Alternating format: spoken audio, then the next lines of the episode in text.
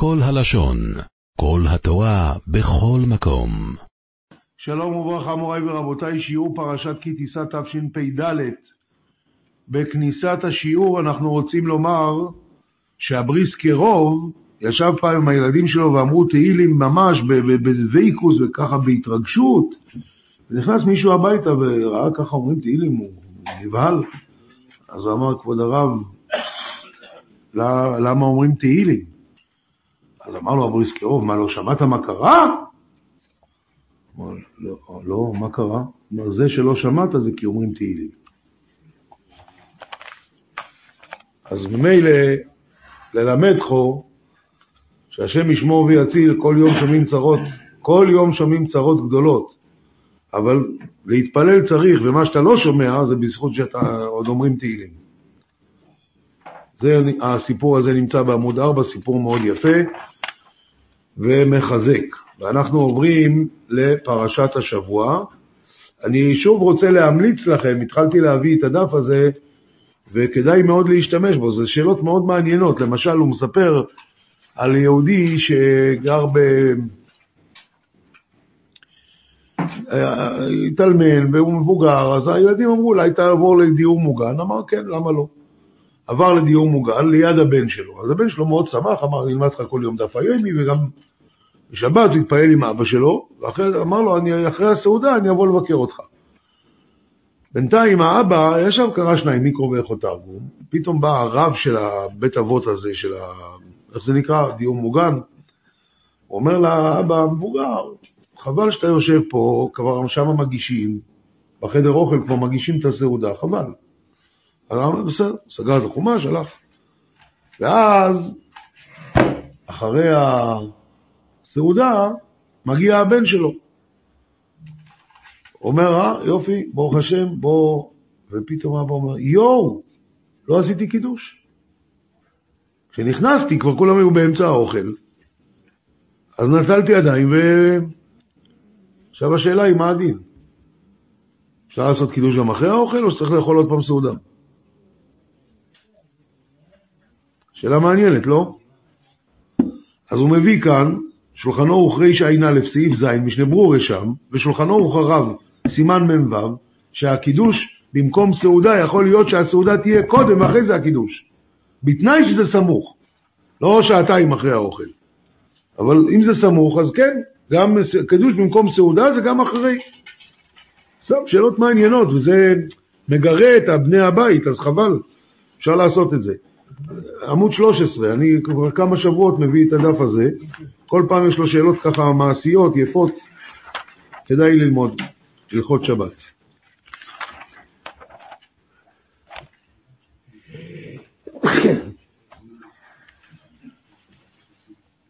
רבותיי, לפני שנתחיל יש לי כמה שאלות מעצבנות, כמו שאומרים. שאלה הראשונה היא, הכתרים שהשם נתן לבני ישראל בהר סיני כשהם אמרו נעשה ונשמע, זה היה משהו פיזי כזה כמו שהנכד שלי חוזר מהגן? אה, זה? מה זה? מה זה הכתרים האלה? פיזי או רוחני? אה, רוחני. מה, מה? לא, זה, זה לא כל כך מפריע. הבעיה זה, תסתכלו בפרק ל"ב, אה, בפרק ל"ב, אמ, כל הלשון. לא, פרק ל"ג, שנייה, אני אסתכל בפתק שלי. ל"ג פסוק ד' וישמע העם את הדבר הרע הזה ויתאבלו. מה הם שמעו שהם יתאבלו? יש פה מישהו ער היום? לא. פסוק קודם, מה כתוב? שהמלאך ילווה אותם, ולא הקדוש ברוך הוא. ואז וישמע העם את הדבר הרע הזה ויתאבלו. ולא שתו איש עדיו עליו. מה זה לא שתו? לא שמו. מה זה כתר שאתה יכול לשים, להוריד? מה זה הדבר הזה? מה כן? אז זה משהו פיזי זה? נו, אני שואל אותך, אבל זה היה משהו פיזי? אני לא יודע. אם זה רוחני, אז השם לוקח את זה, לא הם שמים, לא שמים, מה זה שאר שמים? מה, אתה שם משהו רוחני על עצמך? השם נותן לך, ואתה... מה, נשמה יתרה שמת פעם אצלך? הקדוש ברוך הוא שם. אולי הרב, בגלל שאתה עצוב, אז בקטע הזה לא יכול לחזור. העצב, זה גרם שלא לא היה להם את זה. טוב, לא. כן, כן, הבנתי מה הוא אמר. יכול להיות שהוא צודק. בכל אופן, זה הערה אחת. הערה חמורה הרבה יותר, רבותיי, חמורה ביותר.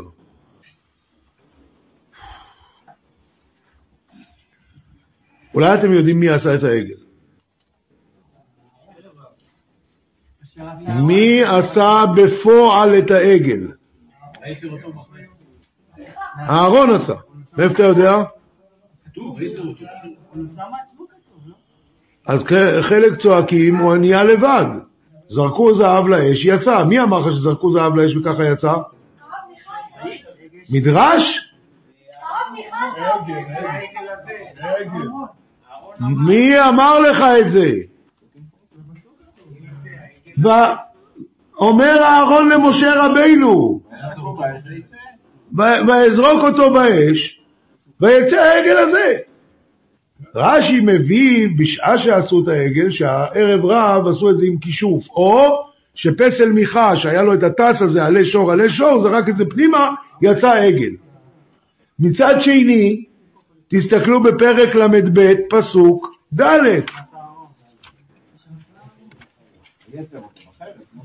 פרק ל"ב, פסוק ד', כתוב, ויקח מידם ויעצר אותו בחרת, ויעשהו עגל מסכה, אומר רש"י. מה הוא עשה?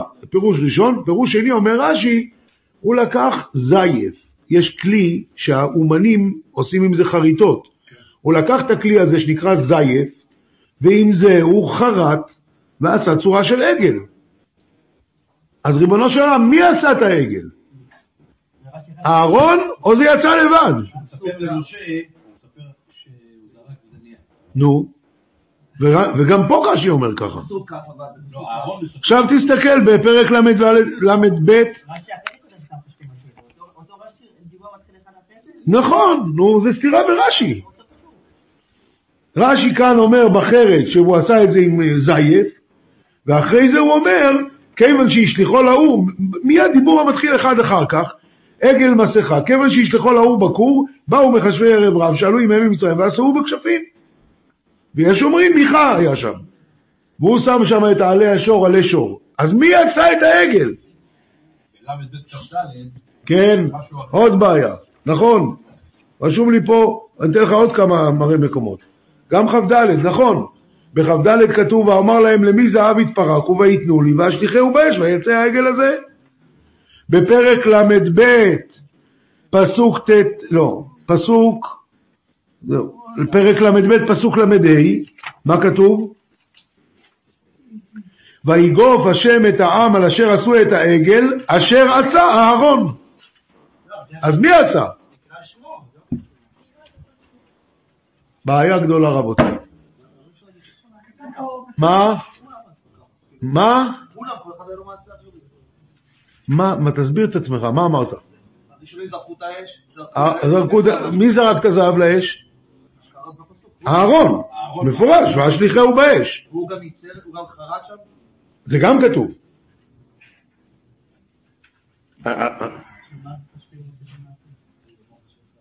וזה לא בחוברת, כי זה בא לי אחרי החוברת. השבוע הדפסתי את החוברת ביום שני, כי ביום שלישי היה שביתה כידוע. מה?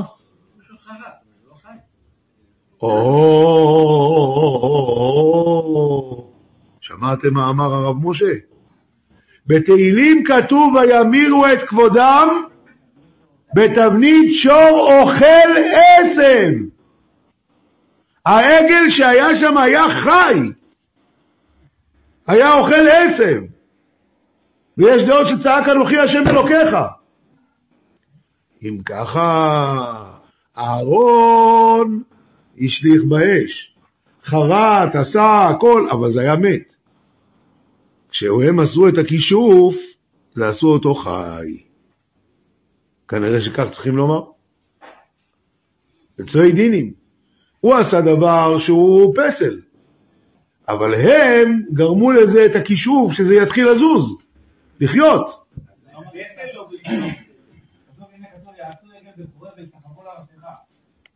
נכון.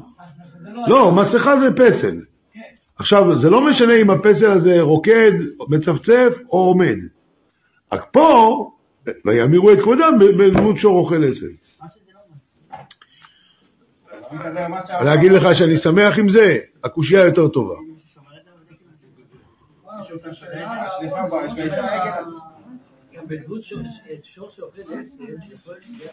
יפה מאוד, נכון.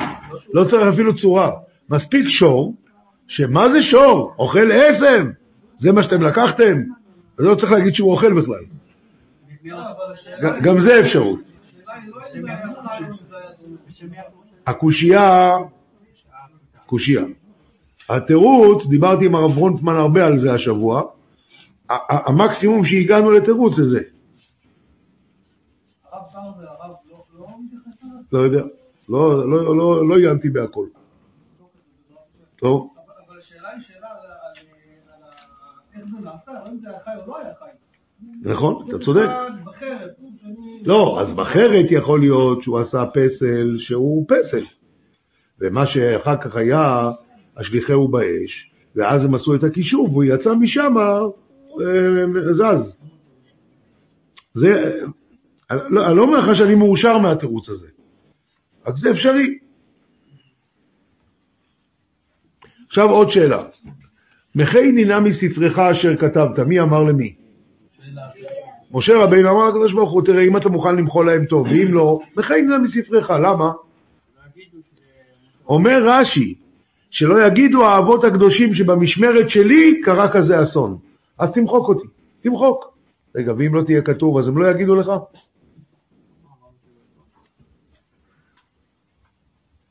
מה, מה הוא מפחד? בפרק, זה נמצא בפרק ל"ב, פסוק ל"ב. פרק ל"ב, פסוק ל"ב. ועתה, אם תישא חטאתם, ואם אין, מחי נינה מספרך אשר כתבת. ואם אין, מחי נינה מספרך אשר כתבת. אומר רש"י, למה? מכל התורה כולה, תמחוק אותי. שלא יאמרו עליי שלא הייתי כדאי לבקש עליהם רחמים. זאת אומרת, אני אפגוש את האבות הקדושים, יגידו לי, מה זה, במשמרת שלך ככה קרה? תעשה לי טובה, תמחוק אותי. נו, ואם הוא ימחוק אותו, לא יהיה כתוב בתורה, נו, ואז מה? לא יבוא אליו בטענות. לא, מהאנשים, את מי זה מעניין? האבות הקדושים. האבות הקדושים.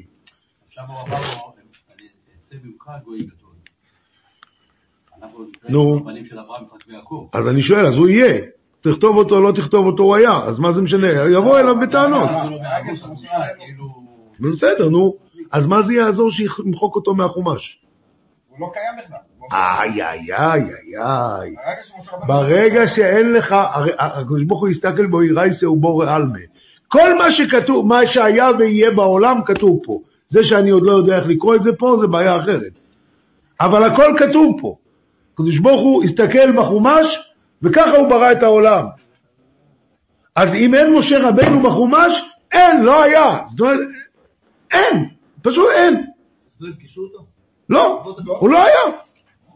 הוא לא היה. גמרנו. ככה אני מבין את זה. עכשיו אם ככה, עכשיו, עד כאן לא הייתה שאלה. עכשיו מתחילה השאלה. מה עונה לו הקדוש ברוך הוא? ויאמר השם אל משה, מי אשר חטא לי, אמחנו מספרי. למה אותך? מי שחטא. ומי חטא? עם ישראל? נו, אז הוא מחק אותם? אם הוא לא סולח להם, הוא ימחה אותם. איי איי איי. בא רבי יצחק אומר, מה אתה רוצה? משה ביקש רחמים, הכל בסדר. כן, כן. אבל זה שמשה רבינו אמר מחי נא מספרך, מה זה עלה לו? שבפרשת תצווה הוא לא נמצא, נכון? ואיפה עם ישראל לא נמצא?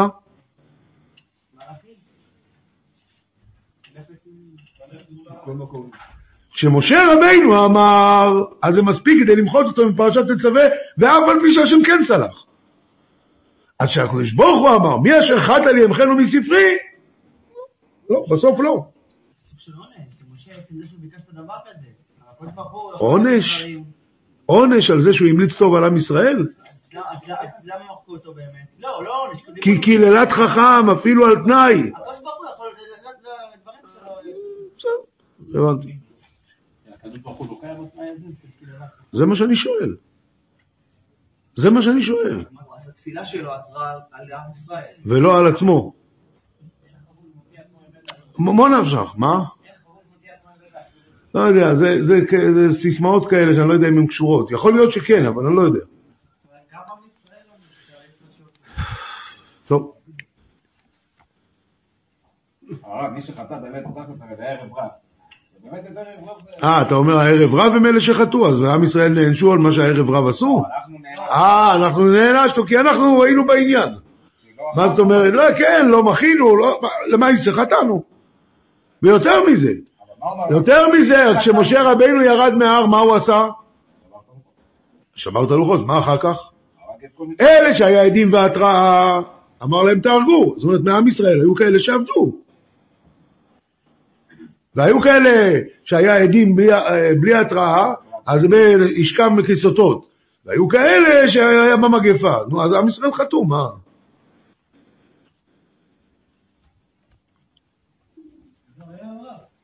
מה? הערב רב התחילו עם כל המעשה, אבל אחרי זה, אתה יודע, וישובו, איך כתוב שם? וישובו ויבכו גם בני ישראל. אבל בראשית, אומר רש"י שני ראשית, אחד זה עם ישראל ואחד זה התורה. בלי ישראל אין עולם. משה רבנו בסדר, משה רבנו לא מופיע, לא מופיע, ויביאו לו מישהו אחר במקומו. אבל בלי עם ישראל אין- אין לו תורה ולא עולם. אז מה היה אהבה אמינה של משה רבינו שזה יקרה? מה אמר, הנה ש... של משה רבינו?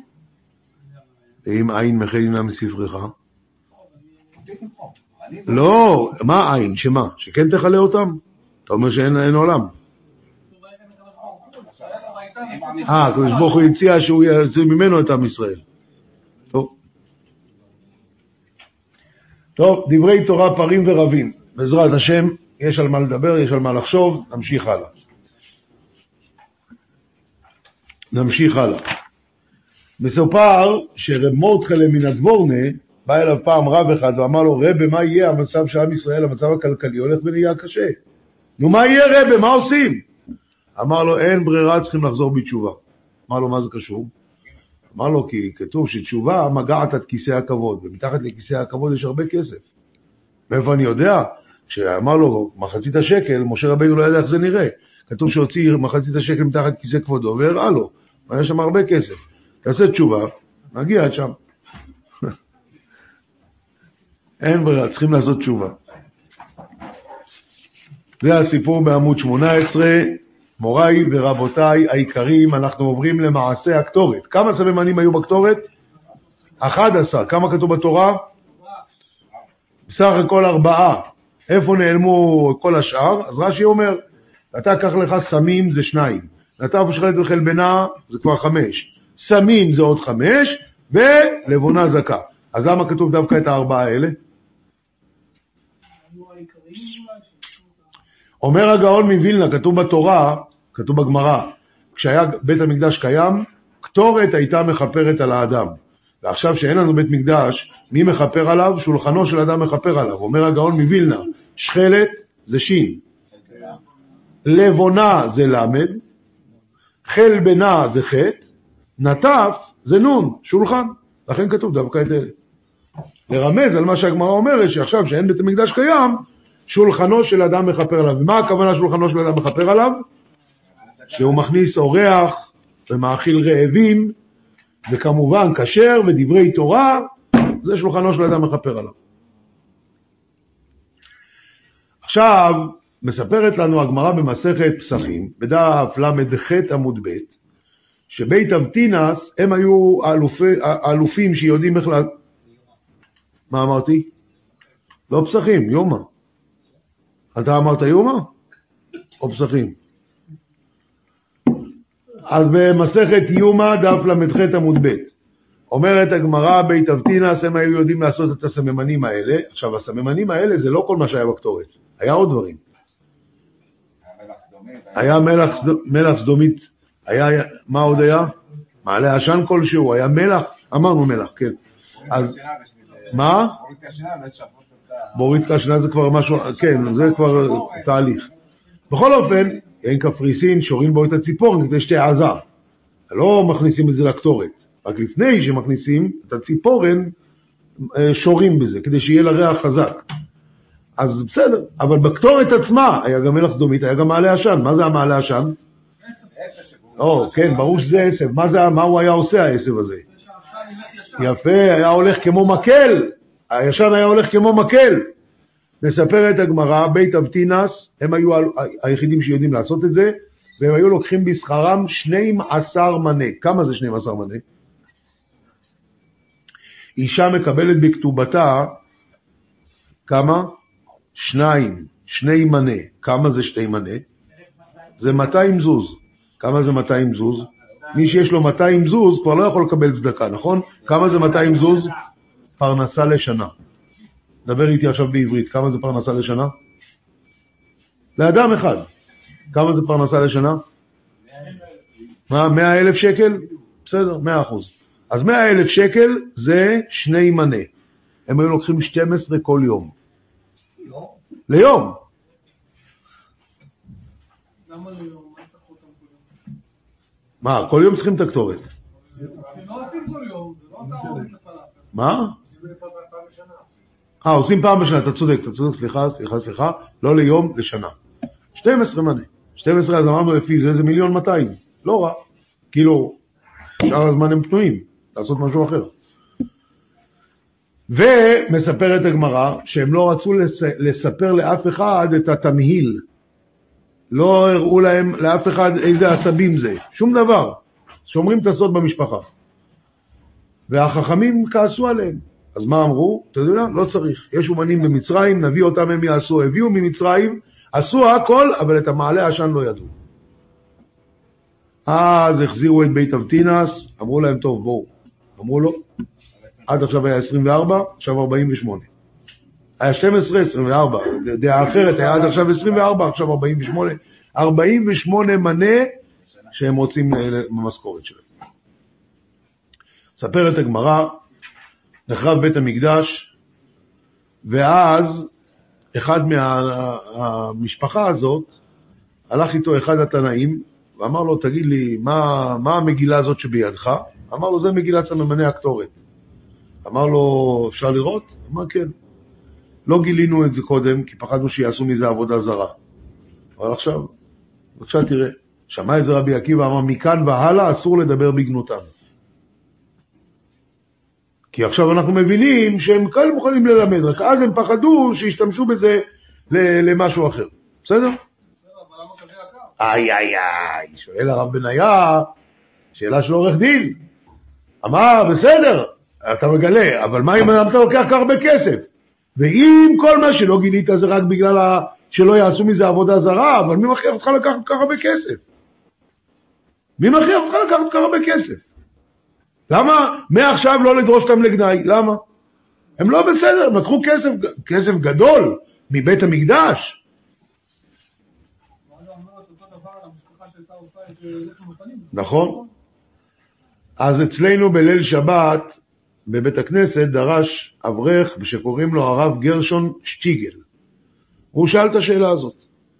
והוא ענה תשובה יפהפייה, ממש יפהפייה.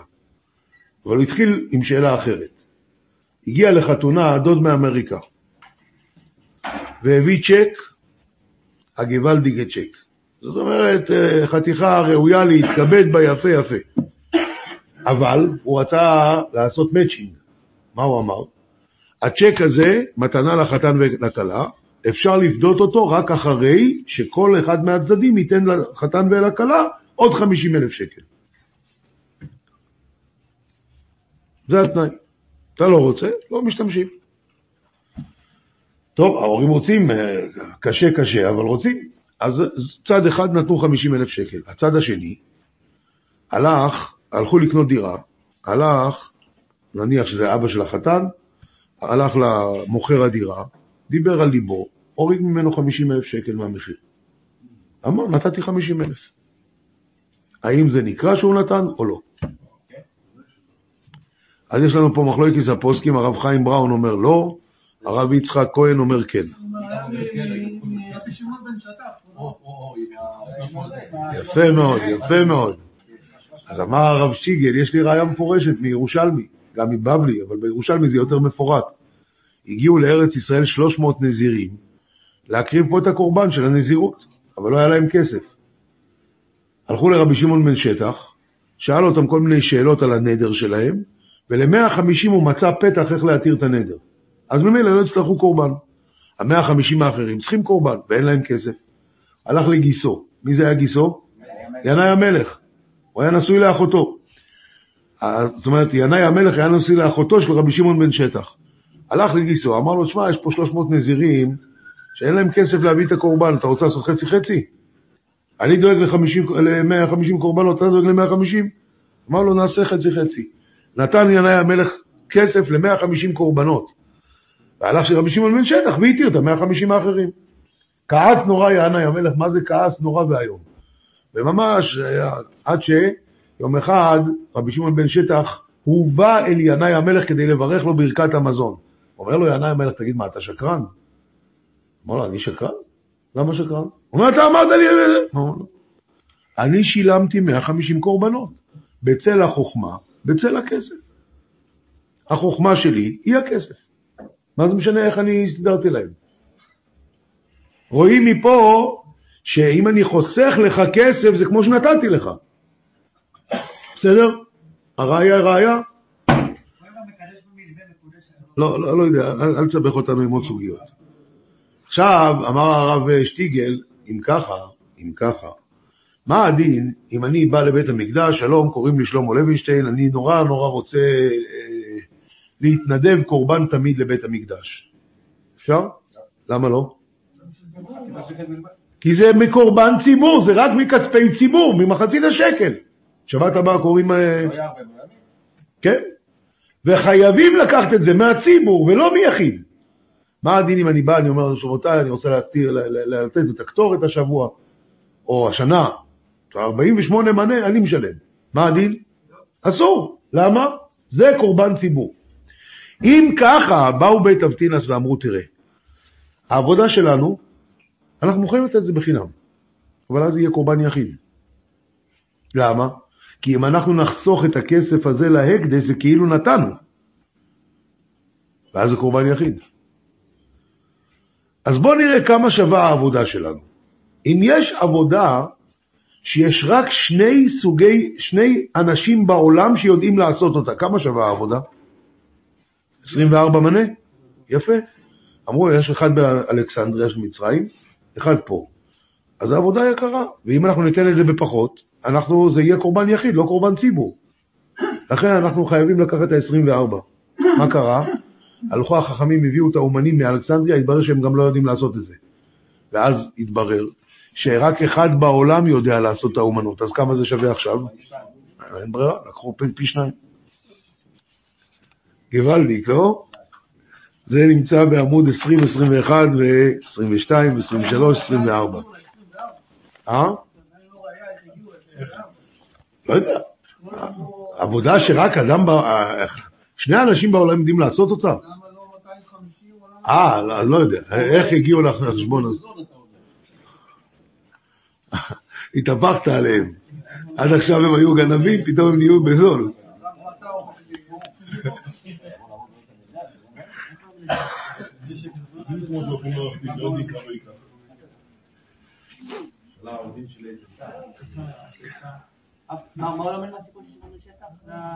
שכשאני חוסך לך כסף זה כאילו נתתי. מ-20 עד 24. ואיך הם חסכו בבית המדינה? הם לא חסכו, אם הם היו חוסכים, אז אז היה בעיה. ברוך אתה אלוהינו, מלך העולם, שהכל יהיה בדברו.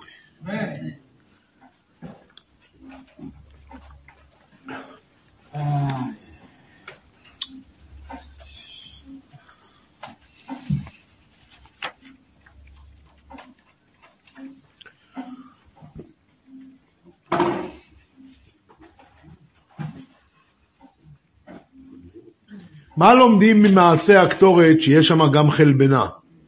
מה לומדים?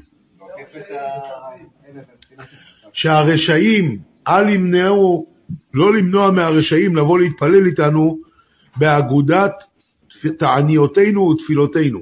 לכן ביום הכיפורים אומרים על דעת המקום ועל דעת הקהל, אנו מתירים להתפעל עם העבריינים. אז זה בעצם גם אם לא יגידו את זה, זה בסדר גמור. למה? כי זה לומדים מהחלבנה.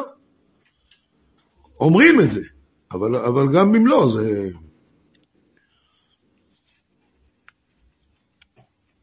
כן. אנחנו ממשיכים הלאה, אה, ושמרו בני ישראל את השבת, פרק ל"א, פסוק י"ד.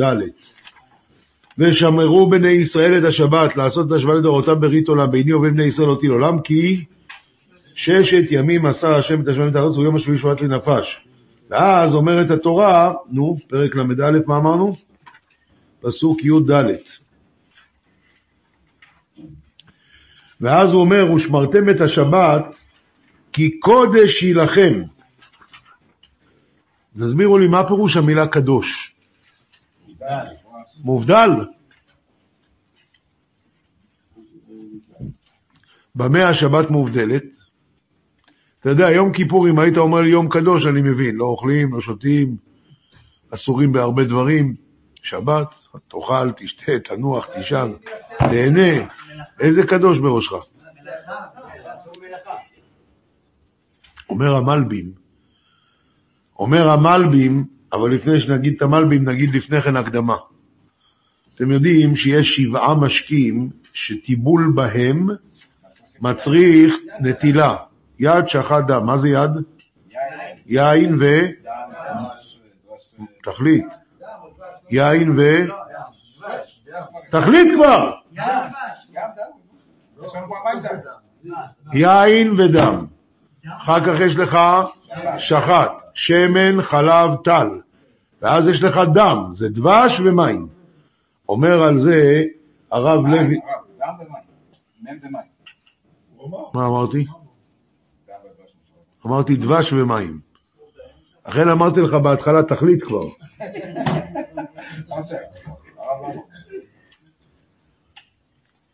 בכל אופן, אז uh, אומר על זה הרב לוינשטיין, לא אני.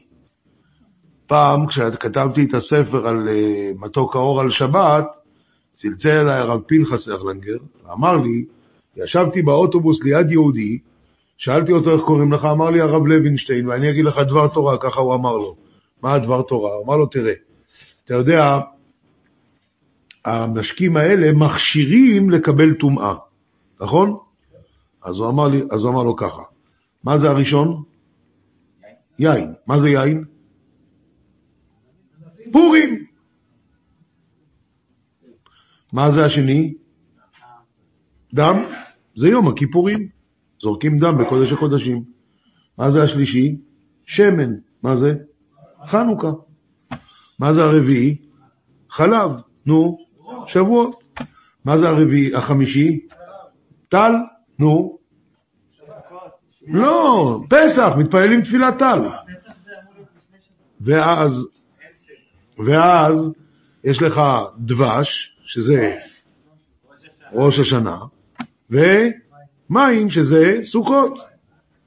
אז הוא אמר, כל החגים האלה, כל החגים האלה, אם אתה לא מכין את עצמך, אתה לא מכשיר את עצמך לקבל את ההשפעה של החג, לא יצא לך מזה כלום. יש בעולם דבר שמקבל טומאה, גם אם הוא לא הוכשר? לא. לא. לא דבר שהוא טמא בעצמו.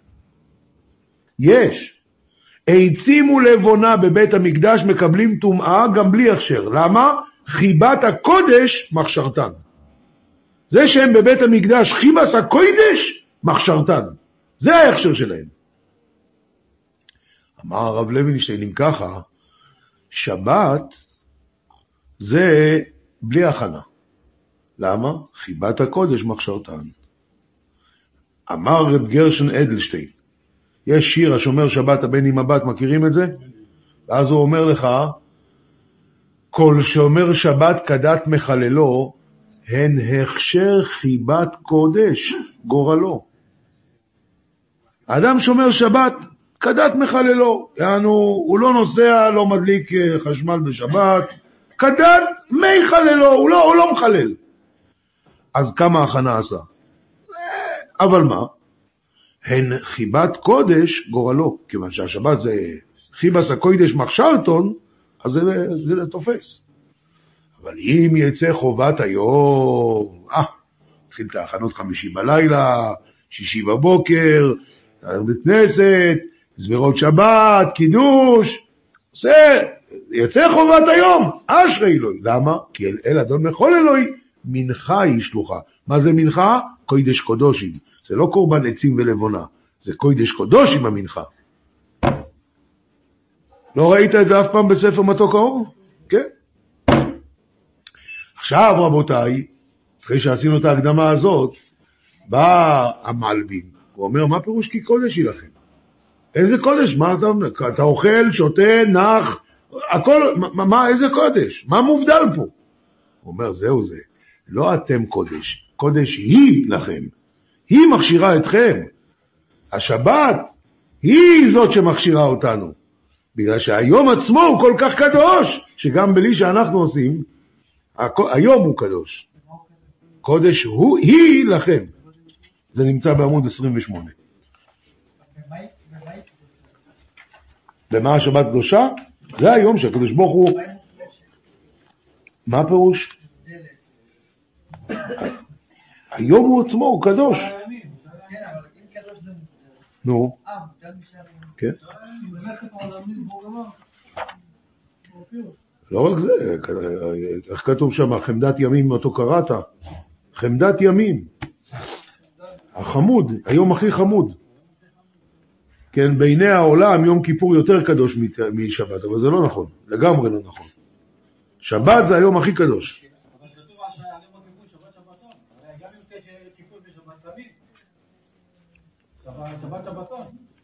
אז מה אם צמים? את האוכל זה דוחה, אבל השבת יותר קדושה. אין יותר קדוש משבת. אדוני, אתה מתפלל בשבת.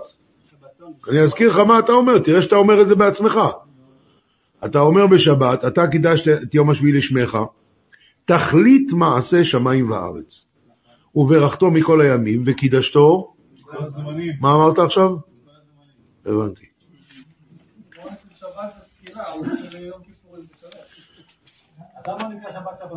מי? שבתון, קטן כזה. אז מה אם אתה צם בשבת? אז שבת מארחת את יום כיפור. זה לא גורע מהשבת כלום. זה לא גורע, כי, כי, כי יום כיפור זה יום טוב. אז אתה מוסיף עוד שמחה בשבת, אז, אז בזה ויתרת על האוכל. קיבלת סליחת עוונות. אז זה תוספת, אבל זה לא, לא במקום ולא יותר. שבת זה היום הכי קדוש בשנה. ויש לך את זה כל שבוע. נכון, נכון. רק אתה אומר את זה גם בתפילה, וקידשתו מכל הזמנים. וברכתו מכל הימים, וקידשתו מכל הזמנים.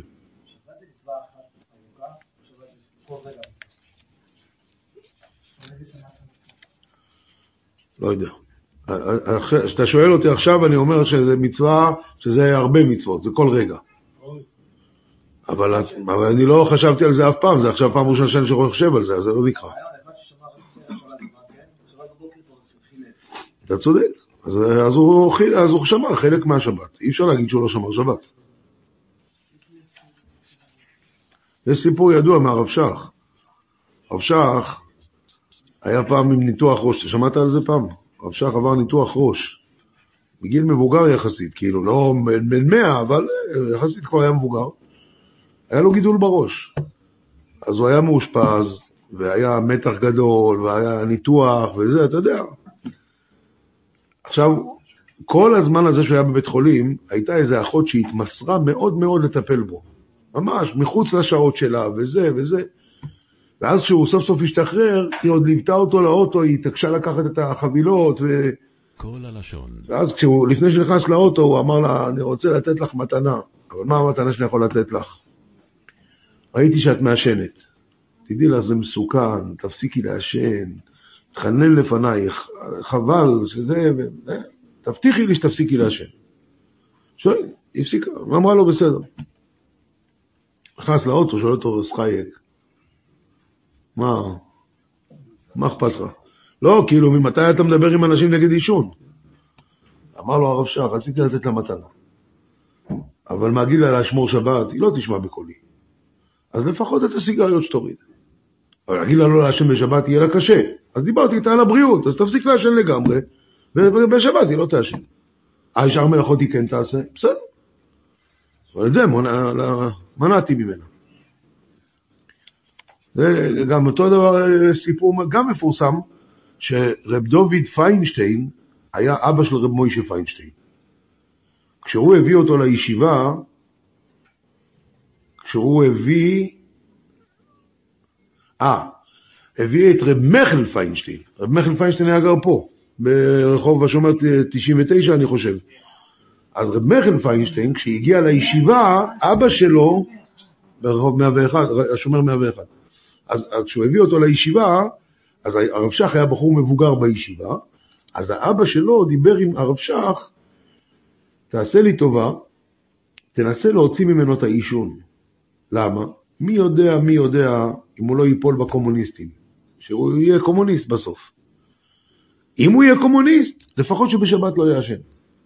אז תוציא לו את העישון.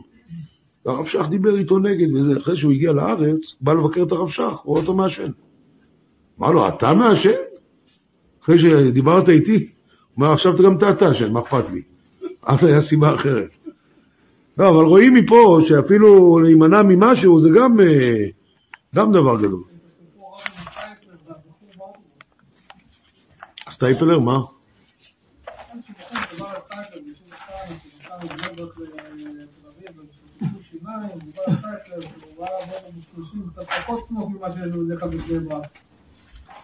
מאוד נסער, והרב סטייפלר שאל אותו, תוך כדי הנסיעה הזאת של הלוך חזור, הייתה פעם אחת שכן הצלחת להתגבר? אמרנו שכן, אם לא הייתי כל כך זקן וכולי, הייתי עומד לכבודך ולא חובתי. יפה מאוד.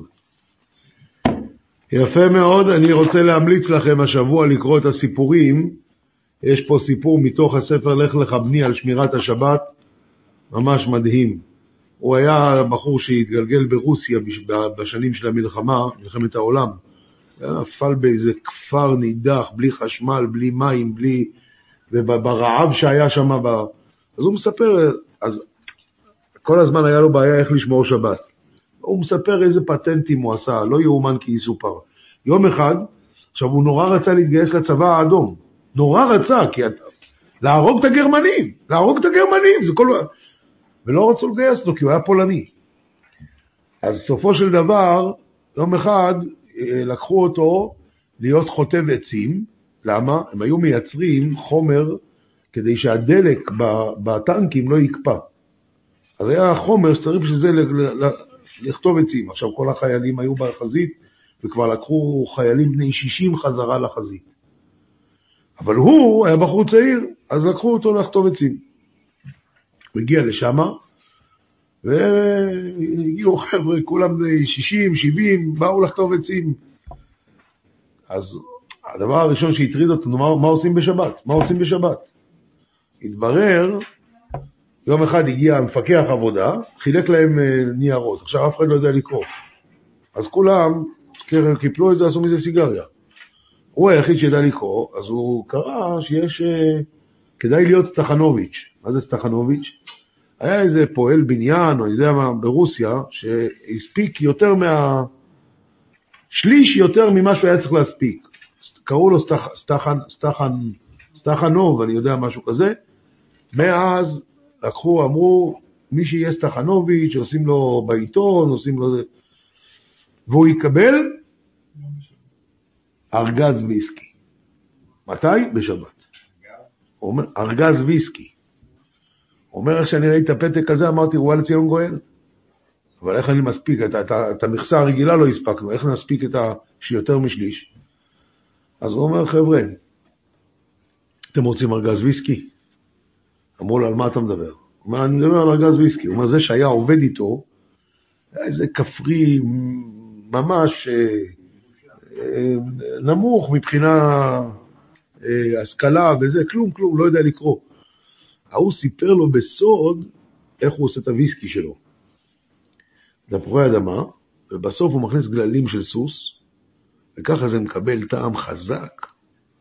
זה מה שהוא סיפר לו. אז הוא אמר, חבר'ה, אתם רוצים ויסקי אמיתי, אבל הדבר בעצמו, לא משחקים. כולם הפסיקו לעבוד, בוא אליו, מה, מה, איפה הבאת? מה אתה מדבר? אמר להם, תשמעו, אם אנחנו נהיה סטחנוביצ'ים, קבל ויסקי. אמרו לו, מה, מה אתה רואה, אתה משוגע, איך נהיה? אומר, חבר'ה, אף אחד ממני לא גומר את המכסה, נכון? אז כשהמפקח לא מסתכל, זרקו חלק מהמכסה אליי, אני אספיק יותר משליש יותר, ואתם ממילא לא גומרים את המכסה, מה אכפת לכם? פש, גאונות. בקיצר, הוא נהיה סטחנוביץ'. ובשבת הוא הלך לקחת את הוויסקי. זה היה, הוא הצליח. אז הסיפור, הוא כותב את זה כל כך יפה, ו- ויש עוד הרבה פרטים שלא אמרתי, אבל כמה יהודים השתמצו בשביל לשמור שבת? כמה התאמצו? הסיפור הזה נמצא מ-45 עד 53. וסתם אני מציע לך לקרוא את כל הספר. ספר מאוד יפה. מ-44, סליחה. מ-44 עד 53.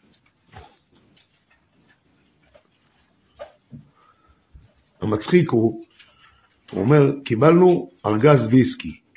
על מה? הספקנו יותר מהזה, והיה כתוב עלינו בעיתון וזה. הוא אומר, אף אחד לא חשב לבדוק שאין יותר עצים מאשר כל שבוע. העיקר, תבדוק. הוא אומר, ככה זה היה כל, כל, הרוסיה הזאת. לא, כאילו, כולם רק למצוא חן בעיני סטלין, אבל איפה השכל שלך? לא היה עץ אחד יותר.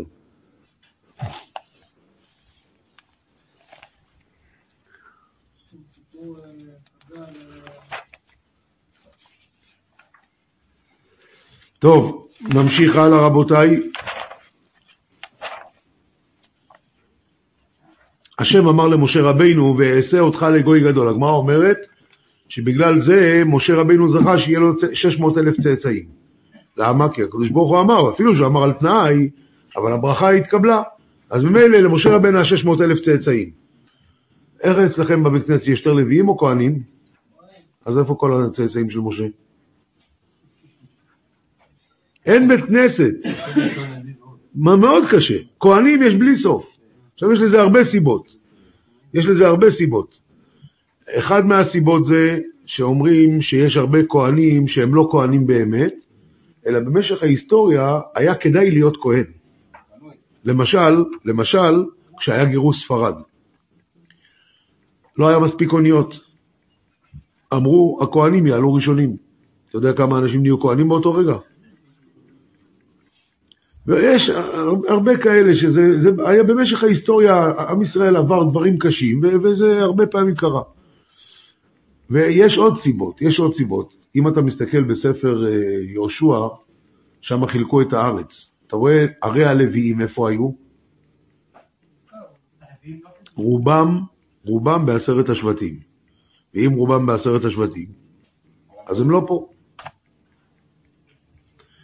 רבותיי, העיקר, עכשיו תשמעו דבר חדש. תפתחו בעמוד 62, יש אוצר המדרשים, ויש כאן אלדד הדני. אני קורא את ההקדמה שלו. נוסע במאה התשיעית המיוחס לשבט דן, ונודע בסיפוריו הנפלאים בנוגע לשבטים בני, בני, בני נפתלי, גד ואשר. ויבשר כי הם מושלים במדינה מיוחדת להם באפריקה המזרחית אצל שפת ים סוף ולשון ים עדן, עדן, עדן. ויספר גם אודות בני משה ויתר השבטים באסיה. אלדד הלך למסעיו שתי פעמים, בראשונה למצרים ואחר כך עמד, אחר כך עבר נהרי כוש. שתי פעמים בראשונה, אה, כן, בשנת 880 היה בבבל, ומשם הלך לברבריה באפריקה הצפונית, ובהיותו בקירואן, איפה זה קירואן? מרוקו? שאלו, שאלו אודותו את רבי צמח בר חיים גאון, שהיה ראש ישיבה במטה מחסיה, וחי בזמן ההוא. ומקירואן הלך אלדד לספרד. אז יש כאן גם את מה שאלדד הדני סיפר, וגם את מה שענה אותו הגאון, איך אמרנו קוראים לו? רבי צמח בן חיים גאון. אז יש גם את התשובה שלו, ששאלו אותו על הסיפורים האלה. בכל אופן, עכשיו תסתכלו עמוד 63, ועוד סיפר לנו, שמסומן, עמוד 63, איפה שמסומן. ועוד סיפר לנו, כשחרב בית המקדש, עלו ישראל לבבל, עמדו הכסדים על בני משה, בני משה באיזה שבט הם? לוי. עמדו הכסדים על בני משה, אמרו להם, שירו לנו משיר ציון. עמדו בני משה וגעו בבכייה לפני הקדוש ברוך הוא, וכיתתו אצבעותיהם בשיניהם. לומר, האצבעות שהיו מכים בהם בבית המקדש, איך נקה בהם בארץ טמאה? ובא ענן ונשאם עם אהוליהם וצונם ובקרם, והוליכם לחבילה, והורידם שם בלילה. ועוד אמר לנו, סיפרו לנו אבותינו ואבותיהם, אבותינו מאבותיהם, ששמעו באותו הלילה רעש גדול, ובבוקר ראו חיל גדול וכבד. והסב להם את הנהר שגולל אבנים וחול במק- במקום שלא היה שם נהר מעולם. והנהר ההוא עדיין גולל אבנים וחול בלי מים, ברעש גדול וקול גדול. אה? סמבטיון. שאלמלא היה פוגע בהר של ברזל היה מנפצו. והנהר גולל כל ששת ימי השבוע אבנים וחול בלי שום טיפת מים, ובשבת נח. ובשעה שיעריב יום השישי בין השמשות, תרד עליו ענן, ואין אדם יכול ייגש אליו עד מוצאי שבת. והוא ששמו סמבטיון, ואנו קוראים אותו סמבטינו, סבתינו או סנ- סנבטיון. קיצור, איפה בני משה? מאחורי נהר סמבטיון.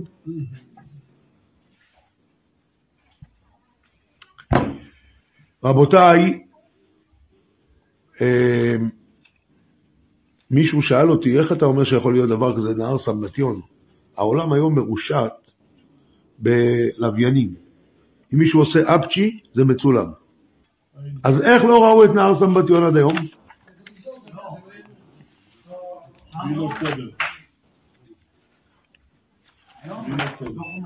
אתם זוכרים את מה ראית בסידור? אה, כן. אה. רבותיי. לפני כמה שנים, חמש, שש, שבע שנים, הלך לאיבוד מטוס של מלזיה, אתם זוכרים את זה? אה? הלך לאיבוד. כל העולם, לא- א- א- איך נעלם? נעלם. ה- אין באף מסך, לא יודעים איפה הוא נעלם. אז צלצל אליי הרב אה, שלמה סלמון, סלמון, שהוא מו"ץ של אה, סערט ויז'ניץ, הרב של סערט ויז'ניץ פה בבני ברק. אז אמר לי, אתה רואה? כולם שואלים אותך איפה נהר סמבטיון. נו, ואיפה המטוס המלזי? לא, היום הכל מצולם. מצולם. רואה? איפה המטוס המלזי? פרק ל"ב, פסוק י"ד, מה כתוב שם?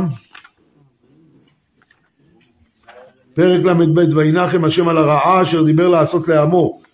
אז הבאתי פה מהספר להישאר יהודי של הרב יצחק זילבר, זכר צדיק לברכה. יודעים מי שזה היה? רב יצחק זילבר, שבא מרוסיה, כן. יהודי תלמיד חכם, הוא היה יהודי תלמיד חכם עצום, וגם אחד מל"ו צדיקים. אומרים שהרב אלישיב היה קם לפניו. אז, אה, אז רבי יצחק זילבר אה, כתב ספר להישאר יהודי. הוא מספר גם כן, גם כן ספר שאתה קורא אותו, אתה יוצא כזה קטן. כזה קטן. אנחנו עם כל המסירות נפש שלנו לקום בבוקר לתפילה. יוצא כזה קטן, כזה. איזה דברים, אנשים, כמה מסירות נפש אנשים. דרך אגב, כשהם באו לארץ, הוא בא עם הבן שלו והבת שלו, כן? אשתו והבן והבת. אז הבן שלו, כבר היה בחור, בא לרשום אותו לישיבת מיר. אז, רב, אז, אז רב, היה אז רב חיים אה, שמואלביץ. לא, רב לייזר יודל. אז רב לייזר יודל שאל אותו, אתם באים מרוסיה? מה, מה אתה יודע? אז הוא אומר, תראה, לא הספקנו שם הרבה ללמוד, אבל את שלושת הבבות אני יודע, בשולחן ערוך יורה דעה אני יודע, וזה אני יודע, וזה אני יודע. הוא בחן אותו, הוא ראה שהוא יודע, הוא התחיל לבכות כמו תינוק.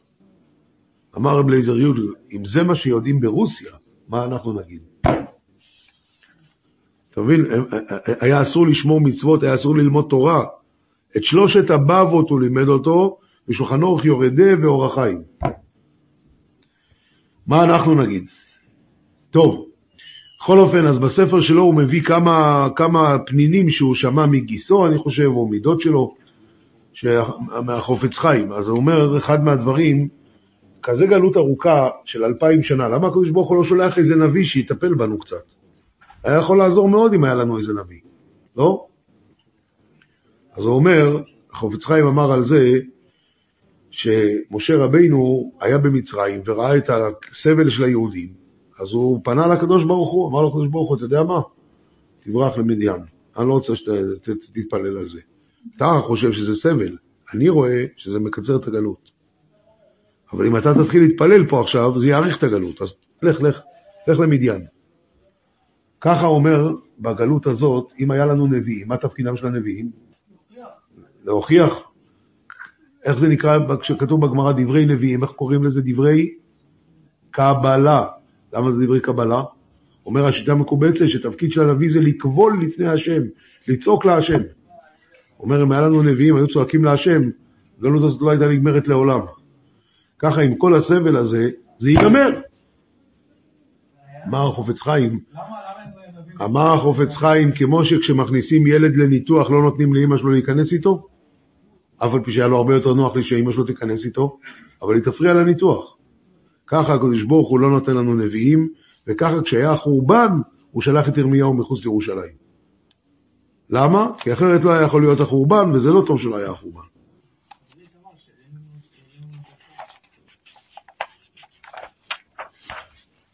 כן. עכשיו הוא אומר, ילך נא השם בקרבנו כעם קשה עורף הוא. ילך נא השם בקרבנו, אבל לפני כן השם אמר שלא ילך, בגלל שהם עם קשה עורף, אז עכשיו הוא אומר, ילך נא השם כעם קשה עורף. אז שנה שעברה הבאנו את המגיד מדובנה, אבל רב חיים פלטיאל, רב חיים פלטיאל, אחד מהראשונים, אומר, מה, מה פירוש? השם אמר לך שזה הסיבה שלו. הוא אומר, כן, אבל בינתיים השם גילה לו את הי"ג מידות של רחמים. בלי י"ג מידות של רחמים, אומר, ריבונו שלם, אתה צודק, אל ת... אבל עכשיו שיש, ילך נא השם בקרבנו. זה בעמוד 75, ובעמוד 70, מה? ורבותיי, יש, אוי אוי אוי אוי אוי אוי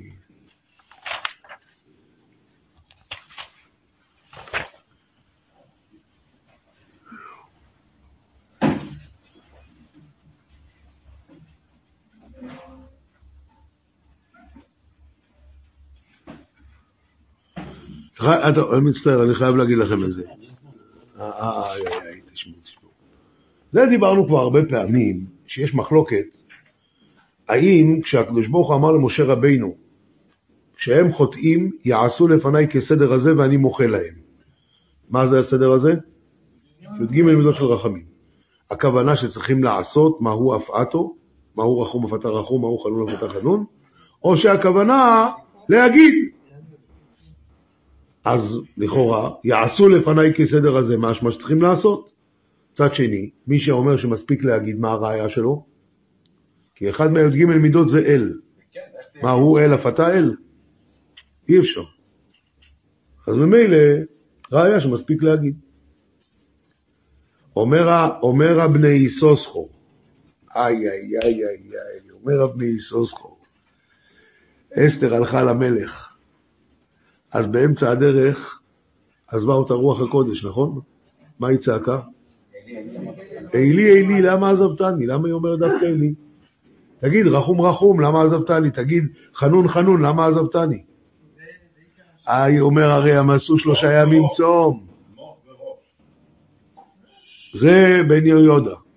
אבל, בני איסוסחו גם, בסדר. הוא אומר דבר נפלא. אומר הבני איסוסחו, הרי ברור, הם עשו שלושה ימים צום, ברור שהם צעקו י"ג מידות של רחמים. ועכשיו פתאום עזבה אותה רוח הקודש, אז היא מבינה שזה לא עזר. היא אומרת, ריבונו של עולם, למה? למה? אה, אולי הם היו צריכים לעשות כסדר הזה ולא רק להגיד? ריבונו של עולם, איילי, איילי! הרי מעמידת אל, אתה הרי לומד שמספיק להגיד, אז למה עזבתני? איילי, איילי, אז למה עזבתני? גוואלדיק. זה אומר הבני איסוסחו. זה נמצא, ב... זה, זה כמה עמודים, אבל הנקודה עצמה, זה נמצא בעמוד אה, 86. בזה יש לפרש מה שאמרה אסתר. לפני כן מתחיל, אבל תשכיל ותדע, ואחרי זה, ובזה יש לפרש מה שאמרה אסתר. אתה רואה את זה בעמוד 86. לפני כן יש הרבה קבלה, אבל אחרי זה, אבל תשכיל ותדע, ובזה יש לפרש מה שאמרה אסתר.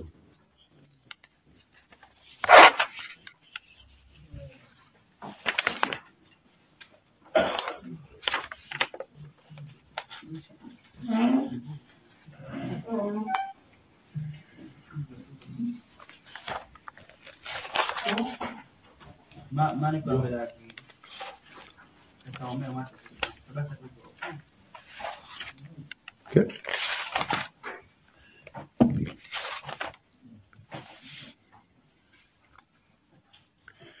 נא לפתוח בפרק כ"ג, פסוק כ'. כ"ג, כן. פרשת משפטים. פרק כ"ג, פסוק כ'. הנה אנוכי שולח מלאך לפניך לשמורך בדרך, ולהביאך אל המקום אשר הכינותי. אתה זוכר דבר כזה מהפרשה שלנו גם? ודאי. ועל זה כתוב שהם שמעו את זה והתאבלו ולא שעטו איש הדיו מעליו. אומר רש"י, למה כבר פה הוא אומר להם שהוא שולח מלאך? אומר רש"י, יפה מאוד, כאן התבשרו שעתידים לחטוא ושכינה אומרת להם כי לא אעלה בקרבך. זה הרש"י, וזה מתאים למה שכתוב אצלנו. תראה את התרגום, פסוק כ'. האנה שלח מלאכה קדמך למטרח בהרך ולהעלותך לאתרא דעדכנית. לא, הת- התרגום נמצא אצלנו בפרק ל"ג פסוק ה'. בפרק ל"ג פסוק ה' אומר התרגום כי לא אעלה בקרבך. אומר התרגום, אומר התרגום, ואמר השם למשה אימר לבני ישראל, נתון להם קשי גדל, שעה חדה אסלק שכנתים בינך ואשיצינך. וכאן, לא, איפה זה התרגום הזה? אה, היא, היא, בפסוק ג', ל"ג ג', לעבדה עבדה חלב ודבש, הר- הרי לה אסלק שכנתי מבינך. איך זה מסתדר עם מה שכתוב בפסוק? כי לא אעלה בקרבך כי עם כשעורף אתה. ומה עכשיו הוא אומר התרגום? הרי לא אסלק שכנתי מבינך, הרי עם כשגדל את. אה, אז זה אמרנו שנה שעברה דיברנו על זה. אבל לכאורה הת- התירוץ הפשוט הוא שכי משמש בעוד לשון חוץ מארבע לשונות הרגילים. אף על פי, יפה. אז גם פה זה אותו דבר. אל ארץ זבת חלב ודבש, כי לא אעלה בקרבך, מה פירוש לא אעלה? אני לא אעלה את שכינתי לשמיים, אלא אשאר פה, כי עם קשה, אף על פי שעם קשה עורף אתה. זה התרגום. אבל אברבנאל אומר, לא יכול להיות כמו התרגום. למה? כי אם זה ככה, אז למה ויתאבלו העם? אם הוא מבטיח שהוא לא יעלה, אז מה הבעיה? אז למה ויתאבלו? לכן האברבנאל לא מקבל את זה, וזה האברבנאל בעמוד 77, 78, 79. דבר אחרון רבותיי, דבר אחרון,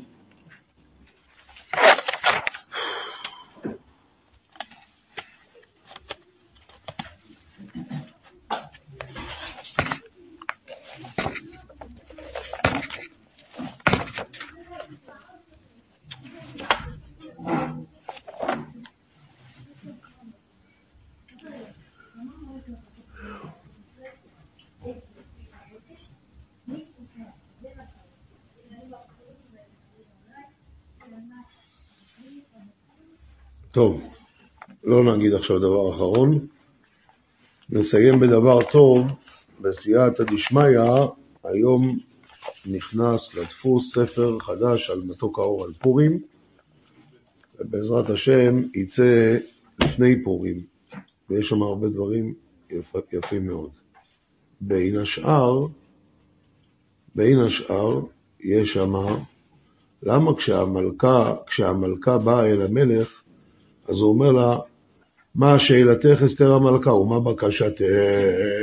עד חצי המלכות ותעש בקשתך. איזה טעם זה? תביר. ומה בקשתך? עד חצי המלכות ותעש. אז היא אומרת, אם על המלך טוב, יבוא המלך והמן. טוב? אמר המלך, מהרו את אמר לעשות דבר אסתר. ויבוא המלך והמן לשתות עם אסתר המלכה, ויאמר המלך לאסתר במשתה היין, מה שאלתך? אסתר המלכה ותינתן לך, ומה בקשתך? הכל תביר. הכל. וכשהיא מדברת, אז היא אומרת עם זקף קטן. שאלתי, אם, אם, אם על המר, לתת, ש, לתת את שאלתי, זקף קטן. למה הוא תמיד אומר את זה עם תביר, והיא תמיד אומרת עם זקף קטן? יפה מאוד. הוא כל הזמן אומר לה עד חצי המלכות. מה זה חצי? תביר. תביר. והיא, אז זה כבר כתוב בחז"ל, בגויים, בגויים, שהצדיקים, יש, יש בגמרא, גמרא במסכת ראש השנה אומרת שהתרשתא, מי זה התרשתא? לא דניאל, נחמיה. נחמיה היה צריך לשתות את היין לפני המלך. אז התירו לו לשתות, אפילו זה היה יין נסך, התירו לו. אז קראו לו התר שתא. בקיצור, אז דניאל, אז, אז נחמיה, הוא יום אחד שמע שירושלים נחרבה סופית, הוא היה במצב רוח מאוד לא טוב, הוא הגיע למלך, המלך ראה אותו, אמר לו, הופה, אתה הולך להרעיל אותי היום. אין זה כי אמרו הלב. ואז התרשתא ענה לו, אבל הוא דיבר, והגמרא אומרת, הוא דיבר אל הקדוש ברוך הוא, הוא דיבר בלשון כזאת שהמלך יחשוב שהוא מדבר אליו. המלך לעולם יחיה, אה, זה, ו... רואים שהוא דיבר בלשון, אומר הגאון מווילנה, גם אסתר עשתה את זה. לכן כשהיא שאלה, שאלה אותה המלך מי הוא זה ואיזה הוא, אז מה היא עשתה? הצביעה על המלך. מה את מצביעה על המלך? טוב, היא בכלל לא ידעה שהיא לפני המלך, היא, היא דיברה עם הקדוש ברוך הוא. שואלים אותה מי זה הוא, אז בא מלאך והזיז לה את היד. אז כשהיא מדברת עם המלך והיא אומרת, לתת את שאלתי, מה זה? זקף קטון, מה היא מבקשת? ריבונו שלם, קטן יעקב ודאי, די, תזקוף אותנו כבר. כמה אפשר לסבול את זה? כי קטן יעקב ודל, הזקף קטון. לכן, כשהיא אומרת, היא אומרת זקף קטון. כשהמלך אומר לה, תמיד אומר תביר. למה? עד חצי המלכות נצח. יהי רצון שהשם יושיע אותנו כמו בימים ההם, בזמן הזה. כל הלשון, עולם שלם של תוכן איכותי.